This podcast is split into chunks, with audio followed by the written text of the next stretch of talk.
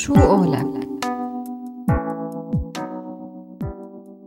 بين تأسيس شركة الفرص التجارية وإدارة عدد من المشاريع بهذا المجال ابن عائلة عريقة بمجال التجارة رئيس مجلس إدارة شركة وايت سؤاد مؤسس لعدد من مشاريع الرواد وصناعي وتجاري ما وقفت الغربة والهجرة بطريقه.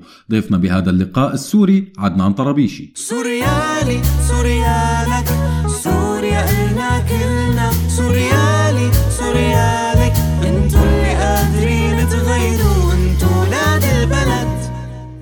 التجاري السوري عدنان طربيشي أهلا وسهلا فيك ضيف عزيز ببرنامج من سيره لسيره على هوا راديو سوريالي. أهلا وسهلا فيك أستاذ عدنان.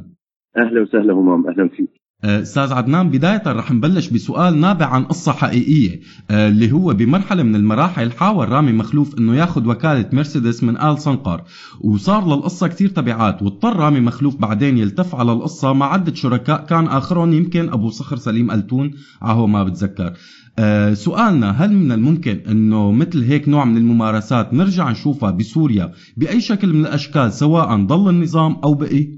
والله للأسف آه، على الوضع الحالي آه، بقول لك إيه لأنه لحد هلأ التغيير اللي عم يصير ما عم يصير تغيير بنيوي بطريقة التفكير وبالتالي الممارسات بعدها موجودة وبتضلها تكون موجودة إنت ما تغيرت طريقة التفكير كلياتها وطريقة إدارة الأمور فبدون تغيير جذري للمنظومة كلياتها ما يمكن يتغير طريقه التفكير أو هالممارسات هي. تمام. طيب كثير من السوريين من الصناع والتجار والعاملين بقطاع الخدمات بعد ما طلعوا من ال comfort zone تبعهم قدروا يبنوا ويأسسوا شيء جديد وينجحوا فيه. سؤالنا هلأ ليش ضل كثير منهم متمسك بالبنية السياسية والاقتصادية تبع النظام رغم إنه كان بإمكانهم ينجحوا برا؟ صراحة موضوع آه، خروج ال- البزنسز من سوريا ما له بالشكل السهل فبالتالي تشبث بعض الأشخاص بالمنظومة آه، هو طبعا أكيد بناء على مصالح آه، شخصية أكيد. آه، بس كمان آه، تحدي العمل خارج سوريا ما له بهالسهولة اللي آه، شافوه العالم. يعني آه، آه، مجموع العالم اللي طلعوا مجموع كثير كبير آه، قصص النجاح ما كبيرة بنفس العدد. فنجاحهم بسوريا مرهون بظروف قدروا يكونوا جزء منها. ما ما ما شرط هي الظروف تتكرر معهم بباقي الدول.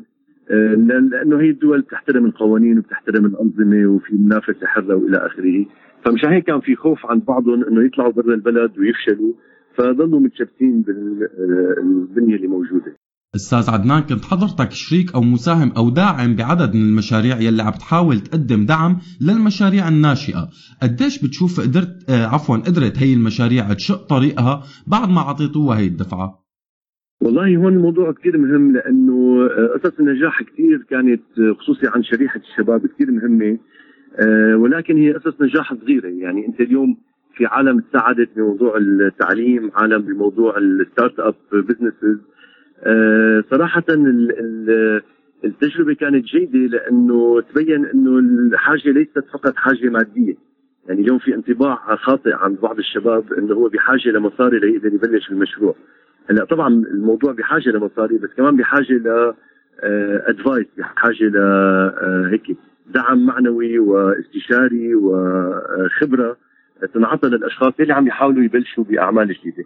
فالتجارب كانت ناجحة على نطاق صغير. يعني اليوم ما ما في كثير آه، آه، شركات ضخمة نشأت من ال- الشباب من ال startup يعني من رواد الأعمال.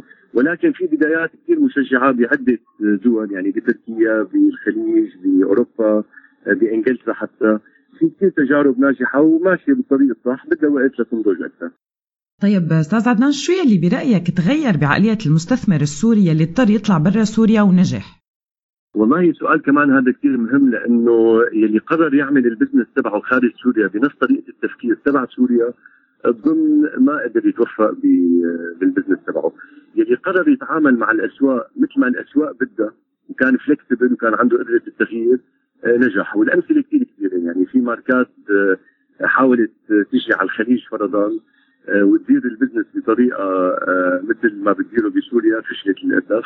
يلي حاول يتواكب مع السوق ويكون flexible بطريقة تقديم الخدمة أو الصناعة أو المنتج أو whatever كثير كان حظه جيد وقدر آه، يكون نتائج عنده إيجابية. آه، أستاذ عدنان دراسات بتقول إنه جزء كبير من الصناعات السورية كانت صناعات يدوية. آه، أكيد مو بالمعنى الحرفي للكلمة ولكن تحتاج لنوع من الحرفة. آه، فهل من الممكن إنه الهجرة واللجوء يساهم بتطوير وتسويق هي المهن أم إنه هي المهن راح تضل خلينا نقول متحفية مثلا؟ صراحة اللي كان عنده مهنة حرفية يدوية كان هو الأسرع بالتأقلم بأي بلد راح له. لأنه بالنهاية الحرفه اليدوية بياخذها معه وين ما بيروح. ما لها مكنة آه، بدك تشتريها أو بدك آه، تجمعها أو بدك تاخذها أو هي عبارة عن شركة بدك آه، ترجع تأسسها. فالمهنة اليدوية هي الأسرع للتأقلم مع أي سوق. وبظن نجحت بطريقة كثير كبيرة. يعني صناعة الحلويات بتركيا بأوروبا المطاعم هالقصص كل شيء حرف يدوية كانت سهلة التأقلم. أكثر من غيرها. وأكيد رح تعطي تأثير كثير كبير. يعني نحن الهجرة السورية جديدة صار لها هلا سبعة ثمان سنين. بس بلشت تسمع عن مطاعم سورية عن أعمال يدوية سورية من التطريز من الأعمال الخشبية. يعني صار في شوية آه، معطيات أكثر بالأسواق اللي أو الدول اللي آه، وصلوا لها السوريين. صار في شيء سوري أكثر من قبل بالتأكيد. آه، في جملة كتير استخدمها النظام البيئة الحاضنة للإرهاب وهي البيئات الحاضنة كانت حاضنة لكثير من الصناعات السورية المتفوقة بجودتها برأيك هل ممكن يصير تغيير بهي البيئات الحاضنة وطريقة تفكيرها؟ البيئة الحاضنة للإرهاب بتعريف النظام هي البيئة اللي قامت ضد النظام فالإرهاب مردود عليه هو أكبر إرهابي بالتعاطي مع الشعب آه وطبعا هي البيئات هي بيئات للأسف كانت فقيرة وغير آه مدعومة من ناحية التنمية ومن ناحية التعليم آه، وهي كانت الحجر الأساس باي صناعة لأنه كان في العمالة من هي المناطق. طبعا بأي فرصة للتنمية الحقيقية بأي فرصة للتعليم المضبوط آه، هي البيئات آه، فيها تكون من أهم المجتمعات وبظن هلأ بالوقت الحالي بالمناطق الهادية نسبيا يلي خارج سيطرة النظام الزراعة شغالة منيح، التجارة شغالة منيح يعني موضوع البيئة الداعمة للإرهاب هي شغلة مردودة للنظام بشكل كامل ما في هيك شيء بالقصة كلياتها طيب أستاذ عدنان رح ننتقل لنوع ثاني من الموضوعات يلي عم نغطيها بحلقاتنا وهي الخدمات. آه، كانت سوريا جارة للبنان خلينا نعمل مثل مقارنة دائما تنوصف بتقصيرها بمجال الخدمات. فهل هذا الشيء تغير بعد الهجرة واللجوء؟ والله موضوع الخدمات هو له علاقة كمان بالنظام التعليمي. يعني النظام التعليمي بسوريا ما كان بيهيئ الأشخاص ليشتغلوا بالخدمات. وبالتالي كان في عنا تقصير بهذا الموضوع. كل ما كان السوري وين ما كان موجود قدر يتعلم أكثر قدر يكتسب خبرة أكثر كل ما صار عنده قدره يقدم هالسيرفيسز هي. اليوم بتشوف الشباب يلي بألمانيا يلي بتركيا يلي بالخليج بلبنان أو حتى بالأردن. آه، قدرانين يقدموا كل أنواع الخدمات لما عم يقدروا ياخذوا خبرة جيدة أو ظروف أفضل. آه، فبالتالي لا أكيد الأمور رايحة نحو الأفضل من ناحية آه، مواهب وإمكانيات الشباب والصبايا السوريين. طيب آه، صحيح كان في كتير نجاحات للسوريين بالصناعة والتجارة ودائما كانت حديث لكثيرين آه، غير الاندماج ببلدان اللجوء والانفتاح على الآخر. شو السر برأيك بالنجاح بهالسنين الأخيرة؟ والله سر النجاح أنا برأيي هو لما وصل الشخص لمرحلة عرفان أنه ما عاد يقدر يرجع بوقت قريب على سوريا فما عنده فرصة غير إنه يطور حاله ويطور شغله ويركز عليه أكثر. لأنه اليوم كان مقرر يقعد ست شهور أو سنة برا آه، كان عم يحاول يديرها بهالطريقة هي. لما اكتشف إنه رجعته ما لها قريبة فصار محصور بالكورنر يعني صار ما عنده خيار غير إنه بده يشتغل بده على بكير بده يدرس بده يتعلم لغة بده يفوت على معاهد حرفية يعني أي شيء ممكن يطوره اضطر يعمله آه، بشكل جدي أكثر وبالتالي صار في قصص نجاح أكثر أستاذ عدنان آه، كيف ممكن نستفيد من هي النجاحات ببلدان اللجوء فيما بعد بسوريا المستقبل أو سوريا يلي بدنا إياها؟ أنا برأيي الموضوع من هلأ مبلشين نستفيد كمجتمع. يعني بغض النظر عن جوا وبرا أي حدا عم يشتغل برا عم بيحول مصاري لأهله لقرايبينه لاصدقائه يلي محتاجين جوا. وبالتالي هي الاستفادة المباشرة الحالية. طبعا بعد ما تروق الأحوال ويتغير المنظومة بشكل كامل آه، أكيد هالخبرات هي وهالبزنسز هي وهالتاريخ اللي حيكون صار طويل بما يخص الأعمال خارج سوريا.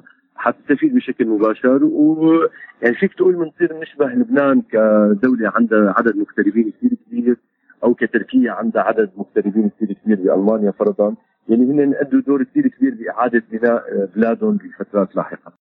طب برأيك أستاذ عدنان هل بنية الشخصيات المحيطة بالنظام في حال رحيله قادرة هي على الاستمرار أو على الهروب من المحاسبة؟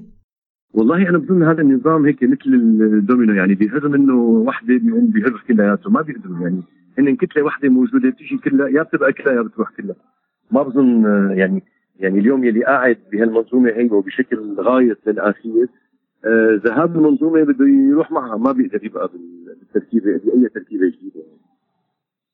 نهاية أستاذ عدنان ضل في عنا سؤال واحد مع العلم يعني أكيد رح عرفان جوابه بس رح أسألك إياه، هل تقبل تشتغل مع أحد الشخصيات يلي اشتغلت مع النظام سابقا خلال السنين الأخيرة؟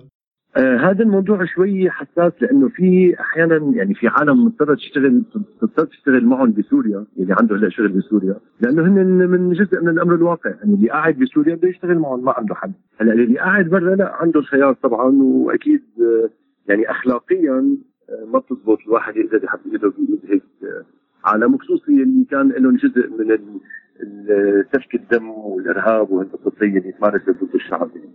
فبظن الموضوع واضح يعني أي حدا آه، عم يقتل بهالشعب صعب كثير العالم اللي مجروحه واللي رح لحدا واللي ضررت تقدر تتعاطى معه بشكل إيجابي.